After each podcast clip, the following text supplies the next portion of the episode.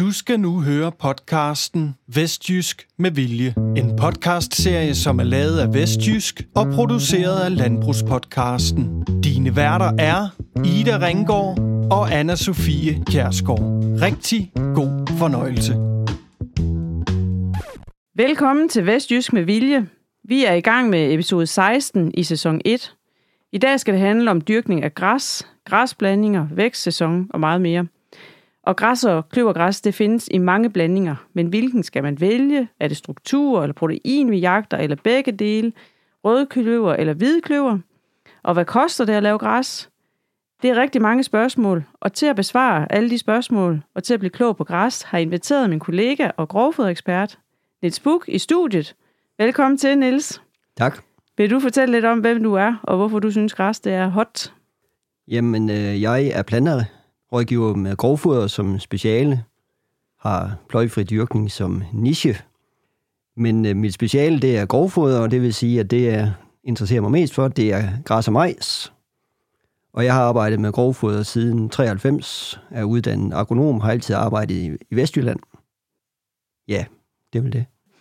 Og så skal vi lidt videre med det her græsblandinger. Kan du sige lidt om det? Hvad er der for nogle blandinger, og hvad skal man sigte efter? Jamen, øh, der er øh, egentlig et par næsten små religiøse forhold, man skal forholde sig til, når man begynder at diskutere græsblandinger. Det er spørgsmålet, hvilken slags græs skal man bruge? Skal man have ja, med eller uden kløver? Det synes jeg ikke er så meget diskussion. For mig er der ingen tvivl om, at man skal gå efter billedplanteeffekten. Man skal have kløver med. Og når man skal have kløver med, så er det et spørgsmål, skal det være hvide kløver, skal det være røde kløver, eller skal det være begge dele? Hvad skal det være? Så det er en diskussion for mig mellem græs, arter i blandingen, og om det skal være med hvide kløver, eller det skal være røde kløver. Og langt hen ad vejen, så kan man sige, når man har truffet det ene valg, så er det andet valg også givet. Fordi at almindelig rejgræs passer rigtig godt sammen med hvidkløver, rejsvingen passer rigtig godt sammen med rødkløver, så det er lidt, har man sagt A, så har man også sagt B. Hvis vi befinder os i Vestjylland, så vil jeg sige, at på agerjord, så er der ingen tvivl om, at vi har de bedste erfaringer med, hvad jeg kalder gammeldags blandinger, altså hvidkløver, almindelig rækgræsbaseret, men er man på lidt bedre jord, Øst-Danmark, lerjord, mere tør jord, så giver det god mening at kigge på rejsvingen rødkløverblandinger. Og kan du uddybe, er det, er det simpelthen jorden, der gør, at øh, i det vestjyske, der duer det ikke med, med rødkløverne? Det er, det er jord og, øh, og klimabetinget, altså under på lidt dårligere jord og med øh, enten noget våd jord, som, ja, som er våd fra naturens hånd, øh, eller noget tør sandjord, som vi så vander, der er det rejgræsset, der, der fungerer bedst. Så kan man også komme ind i en diskussion om, øh, hvad er det, man vil have? Vil man have den størst mulige dynge, eller vil man have det størst mulige mælkepotentiale? Og der er der ingen tvivl om, at hvis, hvis vi snakker mælkeproduktionspotentiale, så er det også de, hvad nogen kalder gammeldags blandinger, der har det største mælkeproduktionspotentiale, men der er selvfølgelig ingen tvivl om, at man kan jagte et større udbyttepotentiale, hvis det er sådan, at man kigger på, på andre græsarter. Øhm, så kan man sige, at det er også vigtigt at tænke på, hvad det er for en jord, man har, også hvis man er i Vestjylland. Fordi for mig er det meget, meget væsentligt, om vi snakker om omdriftarealer, vi snakker almindelig sund ærejord, der, altså græsmarker, der kører i sædskifte med, med majs for eksempel, det er nok den mest præcise måde at beskrive det på. De marker, man også ville have majs på. På den type marker, vil jeg klart anbefale, at man kører med, øh, med almindelige rejgræs og hvidkløverblandinger. Men er vi øh, ude i sumpen, eller på kanten af sumpen, hvor man vil sige, her kunne jeg ikke drømme om at, at, at dyrke majs. Her, hvis jeg har et sædskifte, så er det med, med, med korn og græs. Der skal man kraftigt overveje at skifte over til strandsvingelbaserede blandinger. Og man skal i min verden også gå all in i forhold til, til strandsvinglerne. Altså enten der kører man ærjordsblandinger, eller også kører man lavbundsblandinger, og så snakker vi 75 procent øh, strandsvingel eller deromkring. Og hvad snakker vi udbytter i sådan nogen? Jamen, den største forskel mellem almindelig rejgræs og, og strandsvingel, det er nok, at strandsvinglen, den er meget, meget langsom til at, til, at, til at etablere sig. Men når den så først er etableret, så producerer den rigtig meget i de, i de senere år. Altså i, i år, år 1 og 2, der vil en almindelig rejgræs nok producere mere, men i 3, 4, 5, der vil strandsvingen producere meget mere. Så man laver en... Og det, set over fem år, så er der ingen tvivl om, at der er et større potentiale i strandsvingen, men kvaliteten vil som udgangspunkt også være ringere. Og hvis man skal lave kofoder af de der blandinger, så er det utrolig vigtigt, at man er, man er vaks ved haveloven til første slet. Altså, man skal passe på, om ikke at komme for sent. Ja, og man skal vel tage ofte slet på de der så, for de, at undgå, at det, det bliver alt for tungt fordøjeligt. Øh, ja, både og. Øh, det er nok mere vigtigt, at man, eller det er mest vigtigt, at man timer første slet, fordi strandsvingel har også den egenskab, at den stængler ikke, ligesom almindelig rækker gør. Så man har ikke den samme ulempe, som hvis, hvis man kommer for tidligt med en, med en almindelig rækgræs til første slet, så får man tit øh, meget, meget stængelt anden slet. Det vil man ikke gøre med en strandsvingel.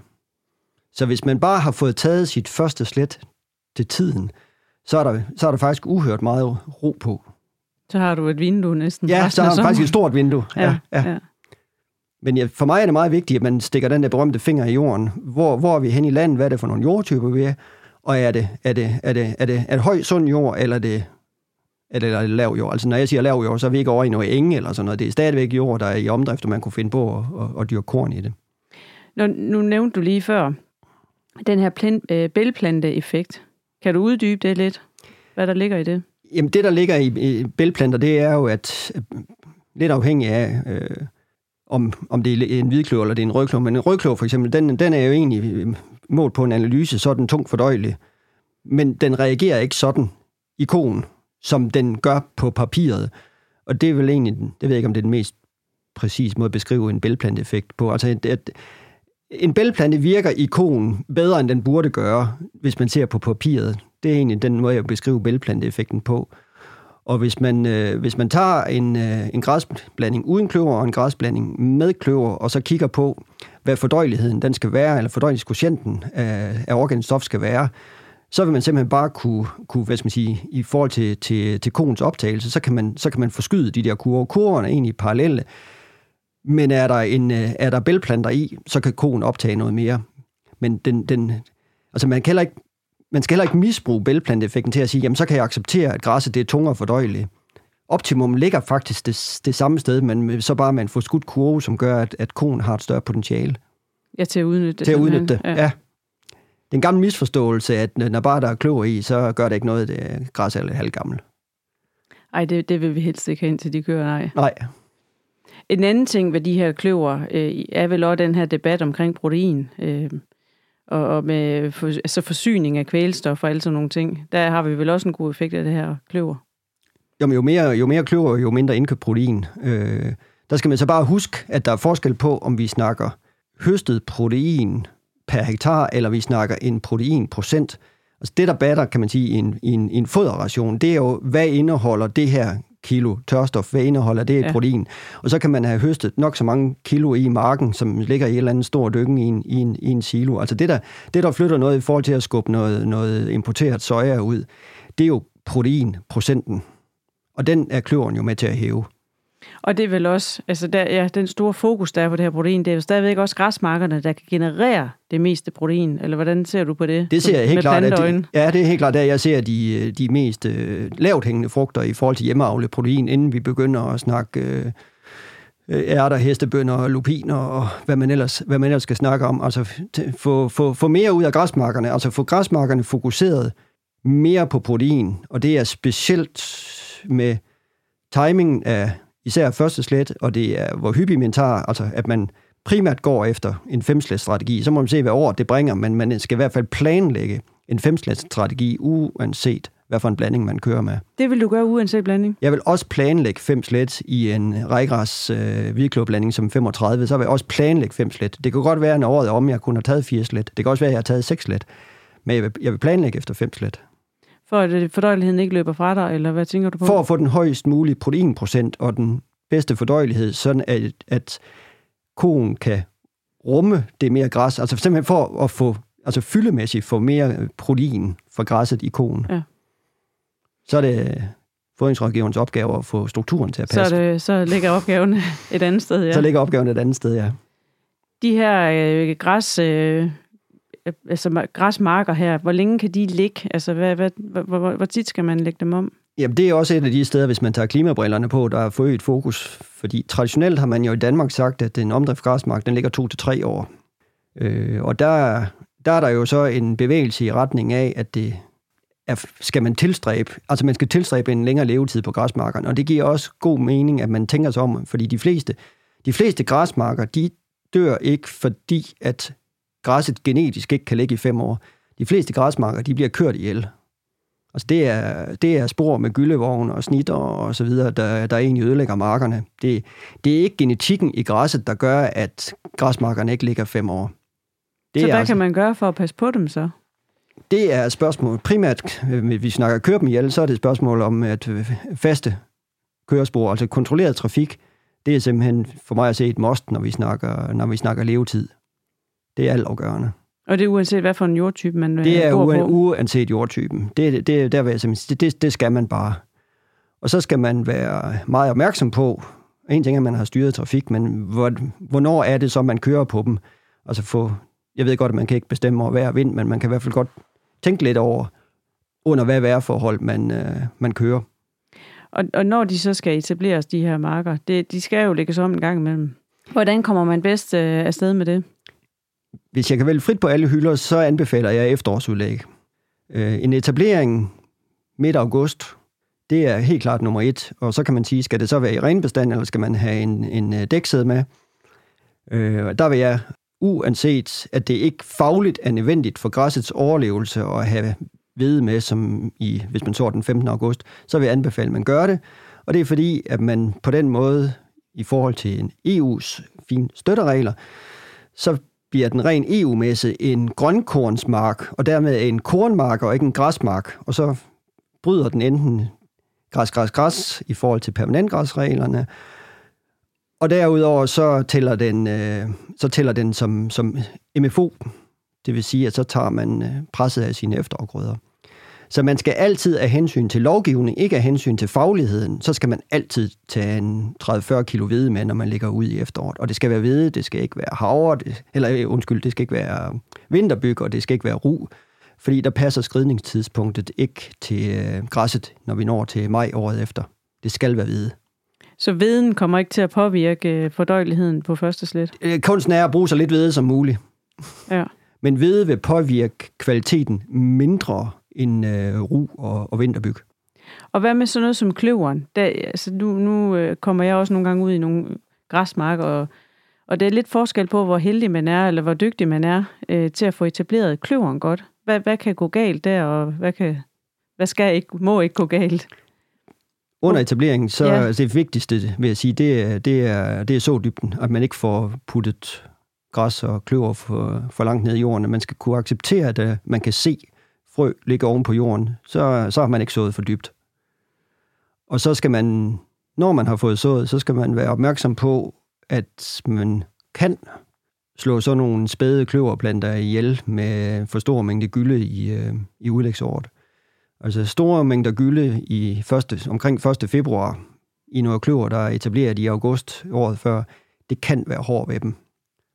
Og har de aldrig været der, så ja, så kommer de ikke. Så kommer de heller ikke. Selvfølgelig har den en mulighed for at fylde huller, men det, det der med, at den har fået for meget gylde, det er altså dræbende. Så kan, og, og i den ideelle verden, så skulle man faktisk undgå gylde til, til udlægsmarkedet. Det, det, det er nok svært. På, i, altså i rigtig mange gødningsplaner er man jo nødt til at tage, tage gylden med, fordi at man skal jo have den brugt.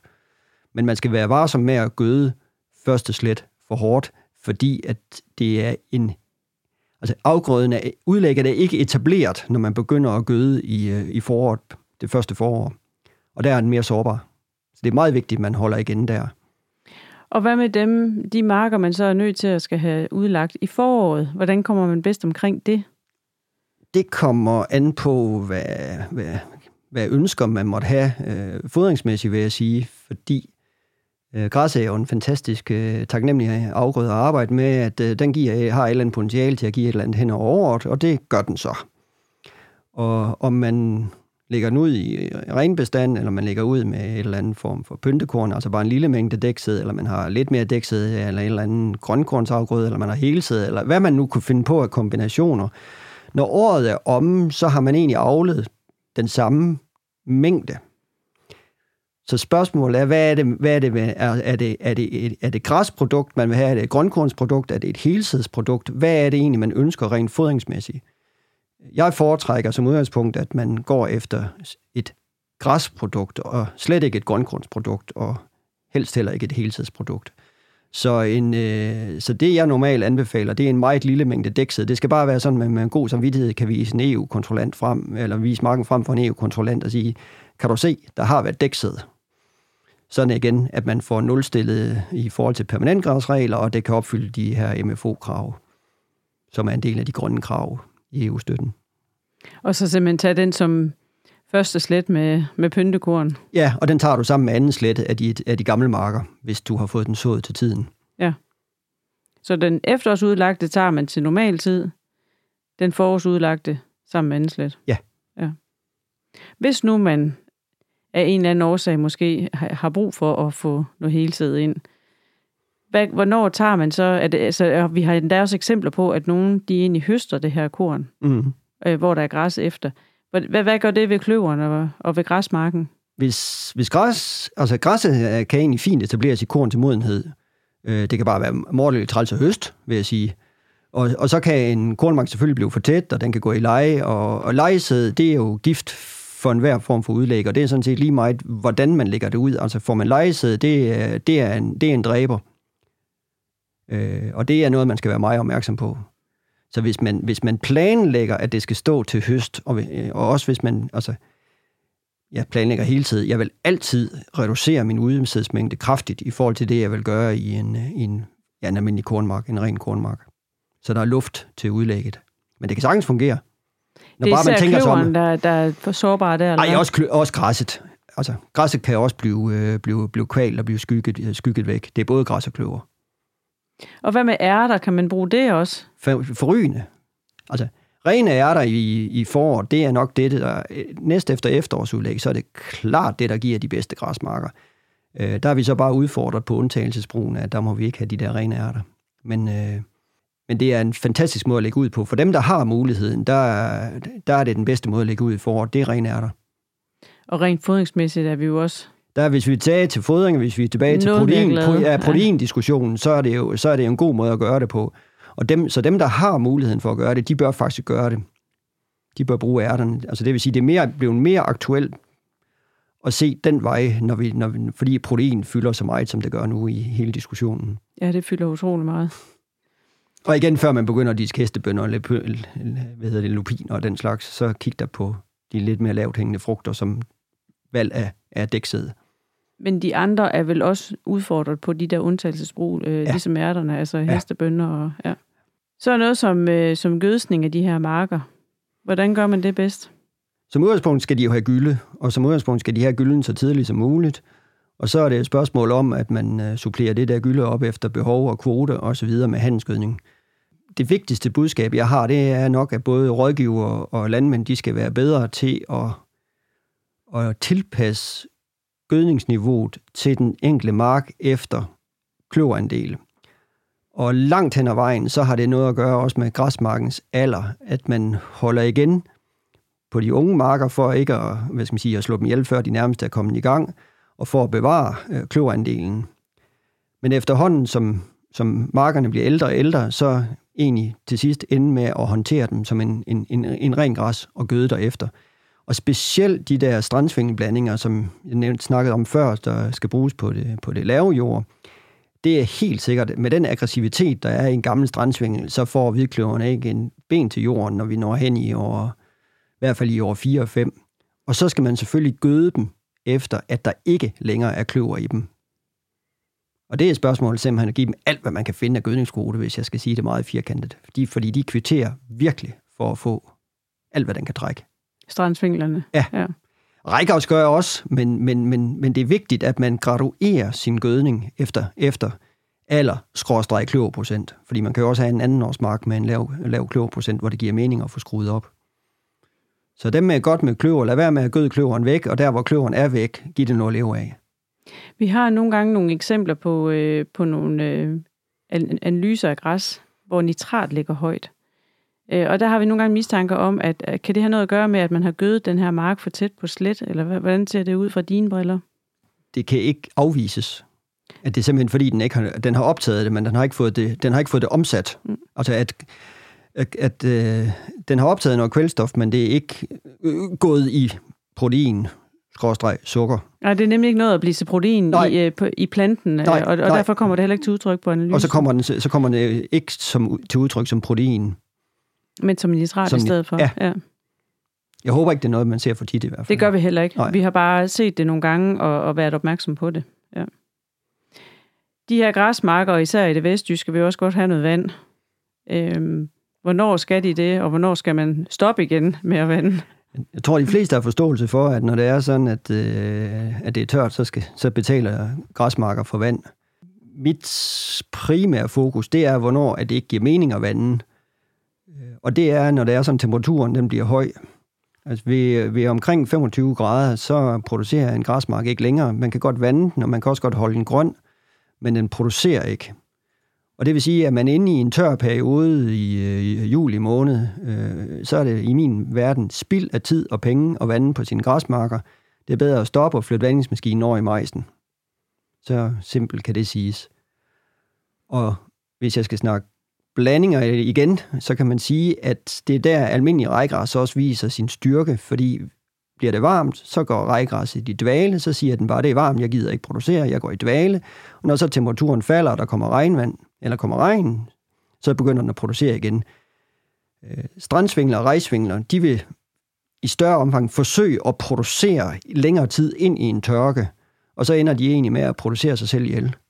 Vi kunne se i, i 2018, de marker, der egentlig kom bedst igennem tørken, det var, det var, det var rækkersblandinger. Og selvom man siger, at strandsvingel er fantastisk til at komme i dybden, jamen det er den også. Den er nok også bedre til at komme i dybden, end, øh, end almindelig rækkers er. Men den har så den ulempe ved, at den, den tror også, at den fandens kaler bliver ved med at producere. Og så producerer sig egentlig sig selv ihjel. Og så, ja, så, fordi det er jo det, man sidder og tænker, at hvis ikke man vander på det her, så går det ud. Ja, altså, og, og og der så er kommer det- der ukrudt i stedet for. Og der kan, man, der kan man udnytte den der genetik, der egentlig siger, den- er bare gået i dvale, det ser, det ser forfærdeligt ud. Og der er ingen, men der er ingen tvivl om, den man har holdt grøn ved at vande den en gang i ugen, den vil selvfølgelig, når vejret slår om, så vil den også hvis man siger, være i gang med det samme. Men det har, hvis det er en lang tørkeperiode, så er det også en høj pris at betale og vande, uden egentlig at få en produktion. Men det eneste, du har fået ud af vandet, det er, at du har gjort den klar. Så, så det vil jeg simpelthen ikke anbefale, man gør. Ja, så der får du mere for pengene, som du sagde før, og vande nogle af de så, andre så, afgrøder. så er det bedre, at, og typisk på grovfodejendom, så øh, majs, som jeg ellers ikke er så begejstret for at vande, men det, i sådan en situation er der ingen tvivl om, så giver, så giver majs altså et helt andet merebytte for vandingen. Så, så den optimale øh, væksttemperatur for sådan nogle græsser her, hvor vil du øh, lægge det henne? Altså, 15 grader. 15 grader, ja. Og hvornår holder de op i efteråret? Hvornår skal man øh, lade være med at... Altså, hvornår er det sidste slet? Hvor koldt må det være? Det vigtigste, det er jo senere man tager sidste slet i oktober, jo højere stup skal man sætte. Det er nok, det er nok den vigtigste. Det kigger jeg mere på, end jeg kigger på, øh, egentlig kigger på temperaturen. Men det er hen omkring den 20. oktober. Jeg synes, at øh, det er slut. Ja, så den, kan nå, så den har noget at gå på vinter med. Ja, og det du? styrer du så igen med, med hvis jo senere det er, jo, jo, jo, jo højere stup. Og der skal man sætte en højere stup, end man ville have gjort i august for eksempel. Ja, ikke noget med at klippe den helt ned. Nej, Øh, nej, nej. Der er, flere, der er flere græsmarker, der er døde af at være for korte, end der er græsmarker, der er døde af at være for lange. Ja, af sk- sneskimmer, Ja, ja, som, som er et spøgelse, der er, selvfølgelig er reelt nok, men som er sjældent gæst. Ja. ja. Hvis vi skal sætte lidt priser på det her, øh, på græsset, altså græs er jo noget, man skal over mange gange, og, og, og, det, og det, altså, det, det koster jo mere end, end for eksempel sådan noget som majs, men, men hvad er prisen på det, og hvad må det koste? Jeg kan nok ikke helt svare på, hvad det må koste. Mm. fordi det er jo et spørgsmål om, hvad, hvad for en foderplan det indgår, eller det indgår i. Men hvis man ser sådan kynisk på priser, jamen så koster græs i rundetal, så koster det jo nok 35 øre mere end, øh, end, øh, end majsen. Så det, det er jo det er dyrere grovfoder, og det er det i kraft af maskinomkostningerne. Det er ikke selve, det er ikke selve dyrkningen, det er, det er maskinomkostningerne, det er installeringsomkostningerne. Det, der, det er det, der gør, at den bliver, at den bliver, bliver dyrere end, øh, end majsen. Og så kan man sige, sammenlignet med en heltid, heltid plus, plus et efterslæt, jamen så ligger græs sådan nogenlunde på samme niveau som, altså en lille smule dyrere end en byggeærte heltid, og, og, og billigere end en, en, en byggeheltid. Men det er de der cirka 35 øre, der er i prisforskel mellem græs og majs. Ja, det er det, man, man gerne må give mere, eller man skal Det er, give i hvert fald mere. det, det er i hvert fald set fra marken af. Nu er jeg planterådgiver. Set fra marken af, så er det det, det koster mere at lave den. Og så må andre jo vurdere, om, om den pris, den hænger sammen. Så må vi andre vurdere, om det, Det må- så også er prisen værd. Ja, men det, det, det, det, det er i hvert fald det, marken skal have mere for, for afgrøden. Vi har været vidt omkring med det her græs, Niels, og tusind tak, fordi du kom i studiet. I næste nummer, der skal det handle om mig, så der har jeg inviteret dig igen, som du også ved en hel masse om. Tusind tak, fordi du kiggede forbi. Velbekomme.